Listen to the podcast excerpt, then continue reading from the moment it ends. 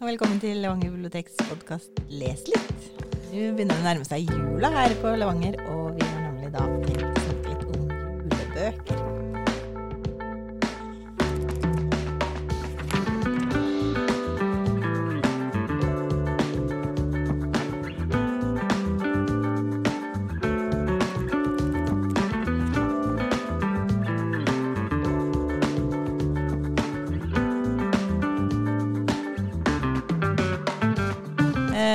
Dag er det Yngvild og Vivian som sitter her. Eh, og gleder deg til jul, Vivian? Ja, det gjør jeg. Kjempemye. Ja, det er jo sånn at nå nærmer det seg jul, som du sa, og vi vil gjerne presentere litt julelitteratur. Og det er jo fordi at eh, mange liker jo juletradisjoner. eh, og liker å gjøre de samme tinga. Det gir jo en sånn opplevelse av ritualet og trygghet, ikke sant? Og det samme skjer om og om igjen. Eh, så mange har jo sikkert eh, faste favoritter som de liker å lese. Det har jo vi òg. Eh, så vi kommer til å komme inn på noe tradisjonelt, og noe nytt selvfølgelig. Som både passer for barn og voksne. Når jeg var liten, da, så hadde vi jo alltid en sånn bunke med julebøker som vi bare tok frem til jul, og dem eh, har jeg fortsatt liggende hjemme hos meg. Det var liksom sånne faste bøker, og det kan jo være litt tilfeldig utvalgt, men det var liksom de betyr jul i vårt hus, da. Det kan jo være mange, ja, vi har noe felles, kan man jo tro. Men hva forbinder du med jul og litteratur? Hvis jeg tenker på hva jeg husker fra jeg var liten, eh, og som fortsatt har en veldig stor plass hos eh, meg og min familie, da, så er det jo Astrid Lindgren. Det er Ja. liksom jul med stort hjerte. Eh, for du har, hun har jo skrevet, ikke sant, eh, Jul i stallen, God natt, herre landstryker, Jul i Bakkebygrenda, og så Se Marikken det snør, da. Den eh, gjorde veldig inntrykk da jeg var liten, husker jeg. For, husker du det? Nei, akkurat den, jeg vet ikke helt. Jeg har sikkert eh, sett det eller lest det, men Ja, for Marikken og eh, Eller Madikken som heter på svensk, og Marikken på norsk. Marikken og Elisabeth er jo søsken. Og vi er jo um, på landsbygda i, uh, i Sverige. Og de er bedre stilt, så de har jo en hushjelp. Og nærmer seg jul, og hun skal ta med seg Elisabeth, det minste barnet, inn til sentrum. Og der skal de handle julegaver. Men Elisabeth vet du, hun er ganske tøff. Så idet hun er der eh, og står og venter utafor en eh, butikk, så og alle er inne for å kjøpe julegave til henne, så ser hun jo en hest med slede som kommer. Og hvem er det som eh, står bakfor sleden? Lille Gustav. Og lille Gustav er en som da slenger ut til Elisabeth. Det her tør ikke du. Og hva tenker hun da? Det tør jeg, ja. og så er det jo sånn at hun dessverre ender opp på en slede som skal ut av byen.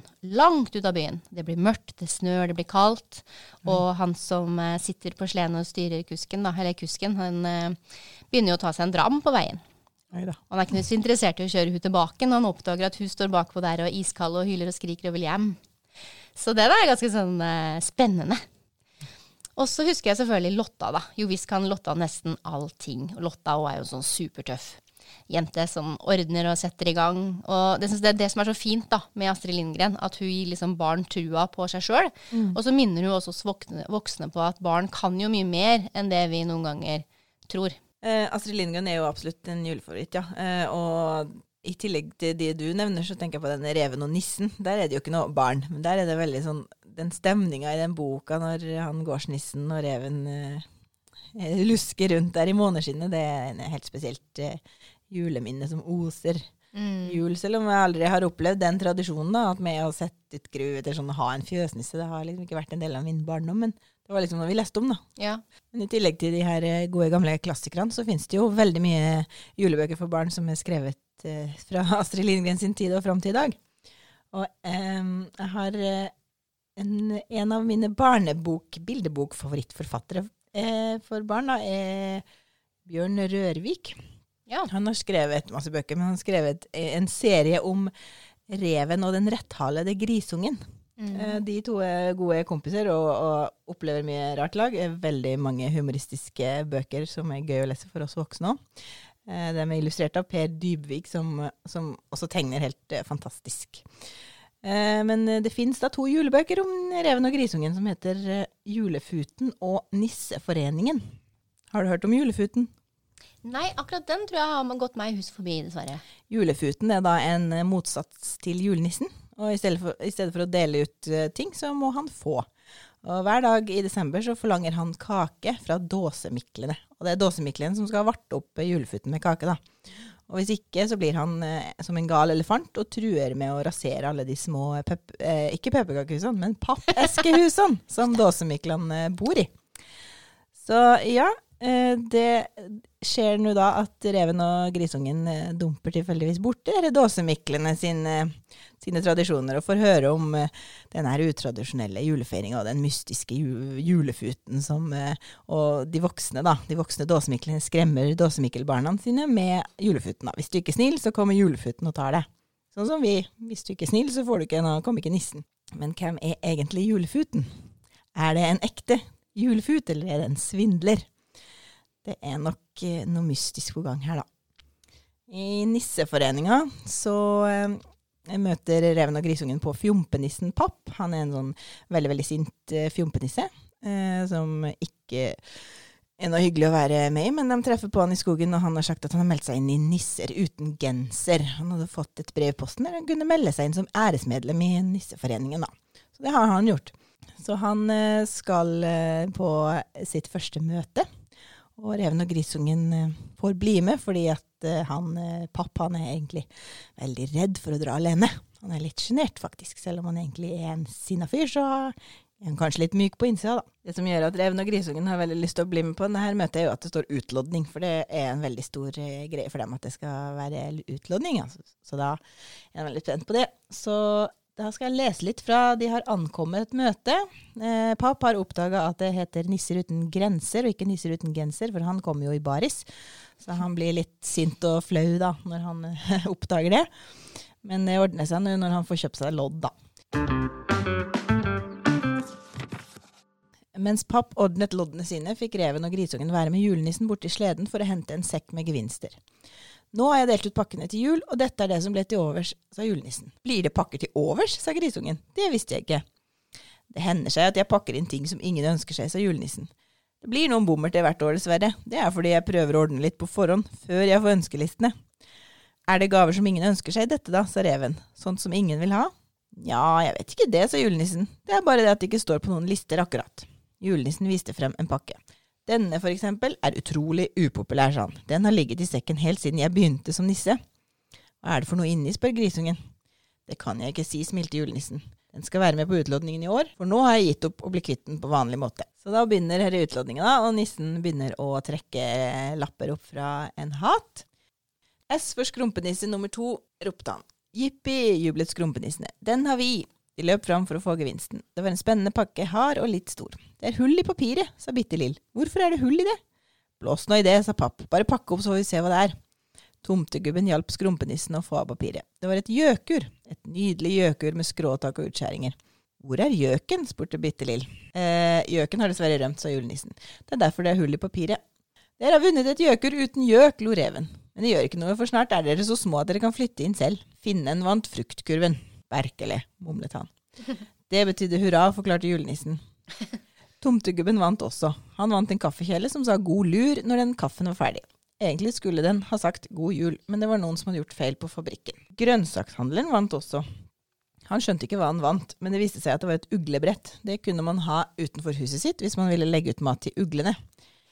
Legg litt potatis, så skal du se få se at de kommer, sa tomtegubben. Ja, bjuder på kaffe. Og så går det så videre og videre, da, og så til slutt så vinner nå reven og grisungen et påskeegg, som ingen vil ha til jul, selvfølgelig. Ja. Og så eh, papp vinner til slutt en genser, sånn han får ta på seg, så han slipper å være baris på nisseforeningsmøte. Mm. Så ja, det er mye moro i denne boka her, og du kjenner deg igjen fra julehygge på skolene med ja, basar og diverse? Det, ja, det vil jeg si. Det er lett å kjenne seg igjen for voksne òg. Ja. Eh, ja. Jeg vant en gang en pakke guttetruser. Det husker jeg svært godt. Skuffelsen var ganske stor. Ja. Så har jeg enda ei barnebok jeg da, før vi går over til uh, voksenlitteratur. Og det er 'Navid møter en konge' av Kristin Maurstad og Andrea Rønsen. Den kom ut i 2016 og er jo en, uh, en nyere bok. Um, men er da tilbake til det tradisjonelle juleevangeliet. Og i denne boka så møter vi den lille foreldreløse gutten Navid. Eh, han må jo stjele for å skaffe seg mat for å overleve. Og En natt så ligger han under det hølete taket i teltet sitt, og så oppdager han en stor stjerne som han aldri har sett før på himmelen. Og dagen etter så er det sånn at han må rømme og løpe fra kjøpmannen Cyrus eh, fordi han prøver å stjele mat fra han, og de, han sier 'ta, fa, fang tyven'. Og Navid løper og løper, klatrer over et høyt gjerde og gjemmer seg i en busk der. Mens han er godt hjem til busken, så overhører han tre menn som snakker om at de skal ta med seg gaver som gull, røkelse og myrra, og følge stjernen. Og akkurat denne scenen gjør at eh, livet til Navid endrer seg. For de tre kloke mennene er jo så klart Kaspar, Melkjord og Balthazar. Og det er de Navid eh, velger å følge eh, og bli etter hvert kjent med.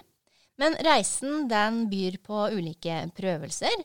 Eh, og så får vi jo vite at eh, Navid her, han lærer om både tro, håp og kjærlighet på en litt eh, eh spennende og fin måte, som passer godt for barn. Um, så det her juleevangeliet er jo framstilt da som gjennom en fattig og foreldreløs Guds perspektiv, eh, og helt til de kommer fram til stallen med Jesusbarnet. Det som er artig, er at den har veldig fine, fine illustrasjoner. En fin strek, eh, illustrert av Andrea Rønsen. Eh, fine, sterke farger. Eh, boka passer godt for barn ja, høytlesning, da, kanskje fem til seks år, eller egenlesning fra kanskje tredje klasse. Kommer litt an på hvilket lesenivå man er på, så klart. Ja. Har du lest den? Nei, jeg tenkte jeg skal, den skal jeg ta med meg hjem etterpå. Ja. Så skal vi ligge i sofaen i hele helga. Tenkte jeg vel lese bøker og ikke gå og gjøre noe annet. Noen ganger så er det lurt å gjøre det. Helt klart. Og det som er så fint med den, som er litt sånn et lite fiffig ekstrapoeng, det er jo at uh, Balthazar, da, forfatteren lar Balthazar bruke noen faguttrykk her. Og jeg tenkte kanskje dette er sikkert arabisk. Men nei da, det er norske faguttrykk som kan klinge litt sånn Høres ut som man er i Midtøsten. Så det syns jeg er morsomt. Og så er det en ordliste bakerst. Så jeg kan jo f.eks. si at kefalalgi, da, det er hodepine. Men nå skal jeg ikke røpe noe mer hvis du skal lese den, og andre lesere kanskje vil låne den til sine barn. Mm. Kjempefin. Navid, Navid, møter en konge. Bra tips. Nå må vi over på eh, voksenbøker.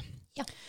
Eh, det fins jo veldig mye sånne koselige feel good-romaner eh, med jul som tema. Mange sånne litt romantiske Kanskje mange av de bøkene er de julefilmene som sendes i en masse på TV i desember. Mm. Men jeg har valgt meg en litt annerledes julebok, da. Og det er bare mjuke pakker under treet av Levi Henriksen. Den kom ut i 2005, en av hans tidligere utgivelser. Det er en eh, novellesamling der alle novellene handler om, eh, om jula. Denne novellesamlinga ble filmatisert i Bent Hamers Hjem til jul, altså filmen, i ja, 2010. Og det hadde ikke jeg fått med meg når jeg begynte å lese den. Uh, så når jeg begynte på den første novella, så dreier det seg om en far som har mista mye av samværet med barna sine, og får ikke, liksom ikke treffe dem uh, noe særlig. Og heller ikke treffe dem i jula, da. Så han har en plan om å få treffe dem på julaften. Han vet hvor uh, de gjemmer julenisseantrekket, for det var jo han som pleide å være julenisse. Så han gjemmer seg ute i garasjen eller låven der og venter på at han, eh, eksen sin nye mann skal komme for å skifte til julenisseklær på julaften. Så han tar dem på sjøl i stedet, doper ned han nykjæresten med kloroform sikkert, og, eh, og går inn sjøl som julenisse til ungene. Eh, og så bare visste jeg at det her har jeg jo opplevd før. Hvor ja. har jeg lest denne scenen før? Og så skjønte jeg etterpå det, da, at det her ble jo film. Så det er flere av novellene som også er representert i denne filmen. Mm. Så den jeg, må jeg se på nytt nå. Mm. Eh, Levi Henriksen spilte jo sjøl rollen som vekter i denne filmen. her. Levi Henriksen kommer fra en liten bygd utenfor Kongsvinger. Og han skriver veldig mye om på en måte det Han har på en måte et sånt uh, univers hvor han kaller det for skogli. Mm. Der alle hans noveller eller, ja. handler om, da. Ja. Er ifra. Mm. Så han har dikta seg opp en bygd like ved Kongsvinger da, som ligner på hans egen oppvekstbygd. Mm. Og i bok nummer fire her da, så har det blitt jul i bygda. Mm det er en høytid som passer godt inn i Henriksen sitt forfatterskap. Og han er, kommer fra pinsevennmiljøet sjøl, og det er, mye, det er flere av, av, de personene i novellene som, som eh, har noe forhold til religion, og er enten pinsevenner eller andre mm. kristne retninger, da. Mm.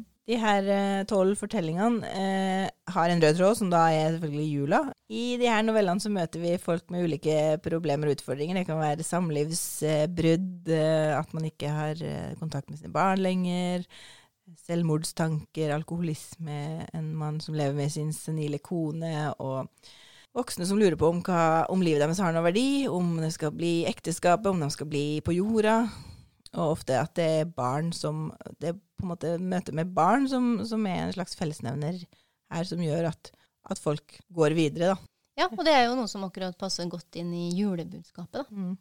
Det er liksom en sterk tro på at kjærligheten skal vinne over død og svik og hevntanker og alt som er trist og mørkt. Og så er det jo en del overraskelser og morsomme vrier på noen av historiene, da. Og så syns jeg det er veldig festlig løsning han her nissen har på å bli kvitt det mannen, er jo at han tar den med seg i bilen, plasserer den i julekrybba utenfor kirka og ringer politiet og sier at det ligger en uh, full mann uh, i julekrybba.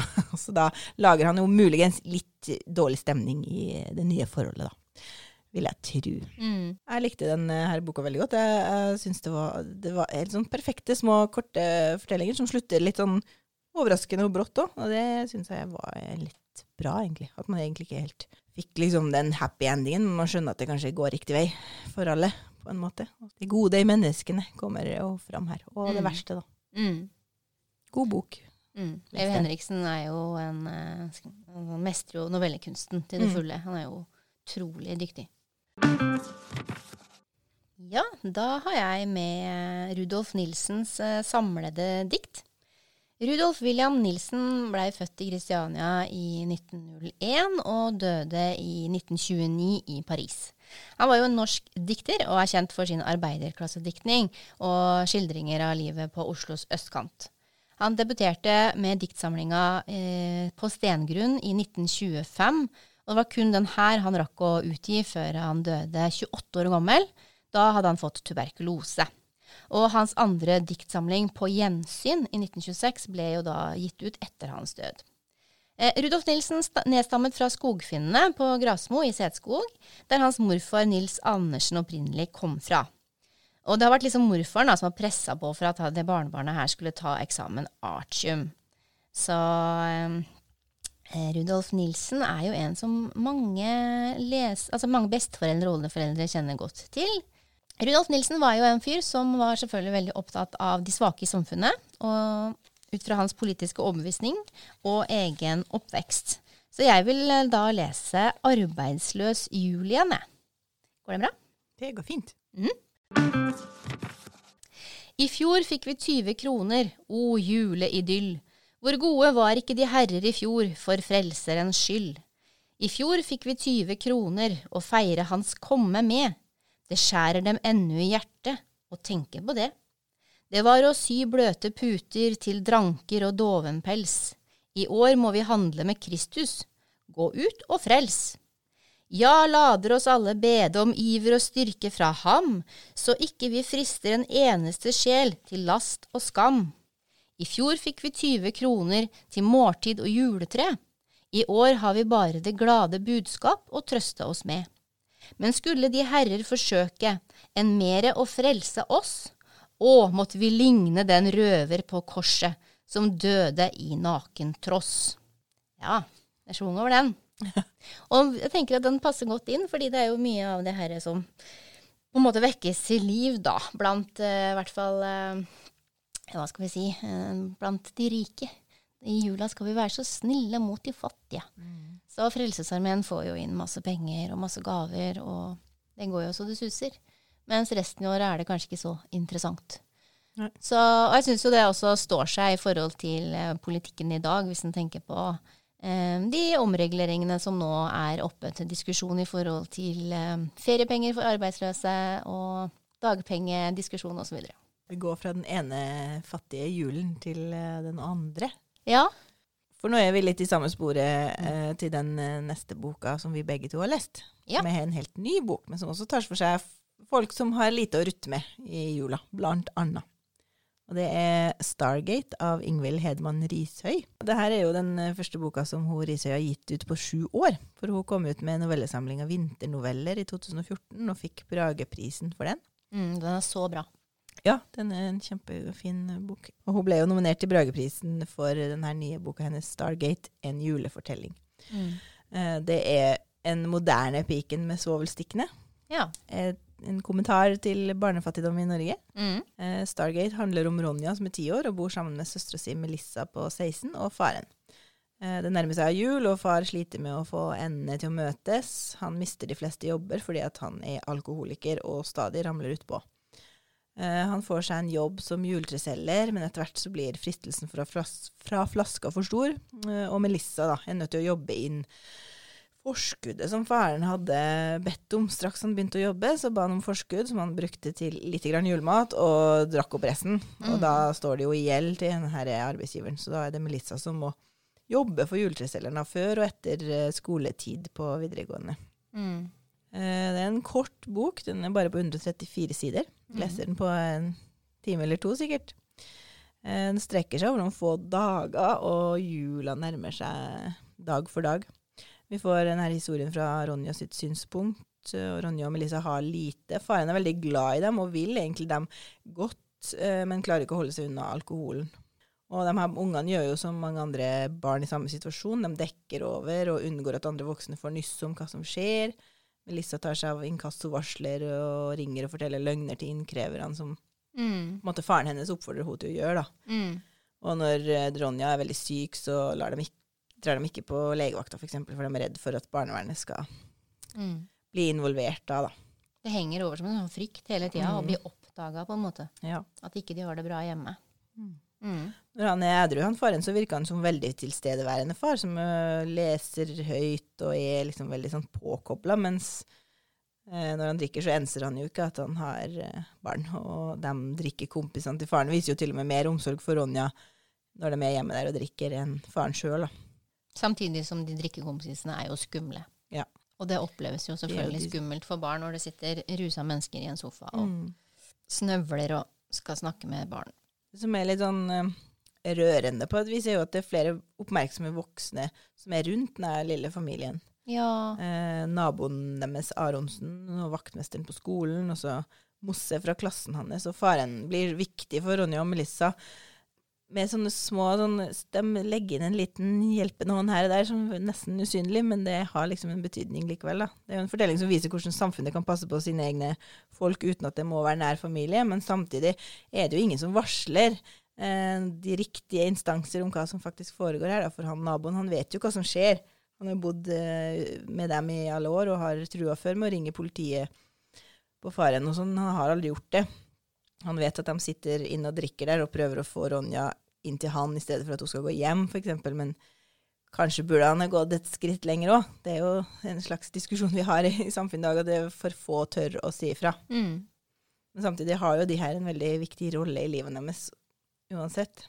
Mm. Så må vi jo si at uh, fortellingene foregår på Tøyen i Oslo i moderne tid. På Nedre Tøyen i Oslo vokser hele 63% av ungene opp i fattige familier, og en stor andel av dem mottar sosialhjelp. Det er mange årsaker, men en del av dem er jo alkoholmisbruk. Og, og på østsida av Vaterlands bro ligger altså den velkjente brune puben Stargate, som også gir eh, navn til boka. Mm. Den er kjent for at den ligger sentralt og har billig øl. Så det er en farlig kombinasjon for byens drankere. Så dit han faren eh, drar, da, ofte, når han skal ut en tur. Det som jeg syns uh, Rishøi gjør uh, veldig sånn fint i den boka, det er jo at hun ikke er moraliserende. eh, og det blir aldri sånn klissete eller for, um, for trist, da. Nei. Så hun, hun fjerner alle overflødige um, adjektiv, og hun forteller ikke leseren hva vi skal føle. føle. Så derfor så vil nok eh, leserne ha ulike opplevelser av boka. Ja. Fordi hun skriver så kort og konsis måte, som i en slags novelleform, da. Så er det på Ronja sitt eh, perspektiv, som er ganske ung, og hun har liksom fortsatt er ganske uskyldig da, og, og ser kanskje ikke like mye problemer som storesøstera ser. Og hun har litt mer håp om eh, jula, gleder seg til å pynte juletre og drømmer om en hytte i skogen. Altså, det er litt sånn ikke bare trist og trasig. Det er liksom hennes eh, Hun Veksle mellom å leve midt i alkoholmisbruk til å være en eh, vanlig unge da, som har Ja, og jeg tror nok også det er ganske realistisk i forhold til uh, hva medlemmer i en familie der det bor en rusmisbruker, eh, hvilke roller de tar. For, for hun eldstesøstera tar på en måte den rollen med å være streng uh, og, og litt sånn irettesettende når hun føler seg trygg på det. Eh, og samtidig som hun ikke har noe håp fordi hun har mista det så mange ganger. Ja. Eh, og så prøver hun også å være en liten omsorgsmor da, for, Ja, eh, hun er jo veldig omsorgsfull. ja, for Ronja. Eh, og vet hva hun trenger for å klare å sovne om natta, og går inn i fantasiene med henne for at hun skal liksom roe seg ned. Så ja, nei, den er helt fantastisk eh, godt skrevet. Du har fått utrolig gode kritikker og bare, bare gode år og seksere på terningen. Mm. Veldig god å skrive om, om folk nederst på stigen i samfunnet. Da. For i Mm. vinternoveller så handler det jo om folk som sliter på ulike vis, og, og her passer jo rett inn i det. Sånn at du har gode, god kjennskap eller research, eller hva man skal si. Altså det føles realistisk, da. Mm. I eh, boka så har jo Rishøi flere referanser, sånn som du var inne på, altså 'Piken med svovelstikkene'. Eh, hun er jo glad i Astrid Lindgren, så det er jo noen eh, en, I hvert fall én referanse til, eh, til en kar Ja. i, som vi kjenner fra en bok om Emil. Uten at jeg skal si noe mer om det. Og så tenkte jeg litt på juleevangeliet òg, i forhold til Melissa og eh, han andre granselgeren der. Så han slemme julegran... eh, hva skal vi si, direktøren i firmaet. Litt så slem, da. Eriksen. Mm. Ja, Tenkte litt sånn Herodes, egentlig. Ja. Nei, Det får bli opp til leserne å analysere hvilke referanser de oppdager i teksten, men uh, Risøy har uh, helt klart brukt annen litteratur her også som inspirasjon. Veldig fin julefortelling, og en fin, eh, pen å se på rød liten julegaveskattbok, spør du meg. Mm. Da tror jeg vi skal gå ut i, i og eh, forberede oss videre til jula. Håper dere har fått noen gode tips om bøker som kanskje setter deg i julestemning, eller får deg til å ha litt eh, andre tanker i hodet når det nærmer seg jul, i tillegg til gaveinnkjøp og ribbe og alt det der. Mhm. Gjerne følg oss på Facebook, Levanger bibliotek, eller eh, Levbib på Instagram, og abonner på Les litt. God jul! God jul!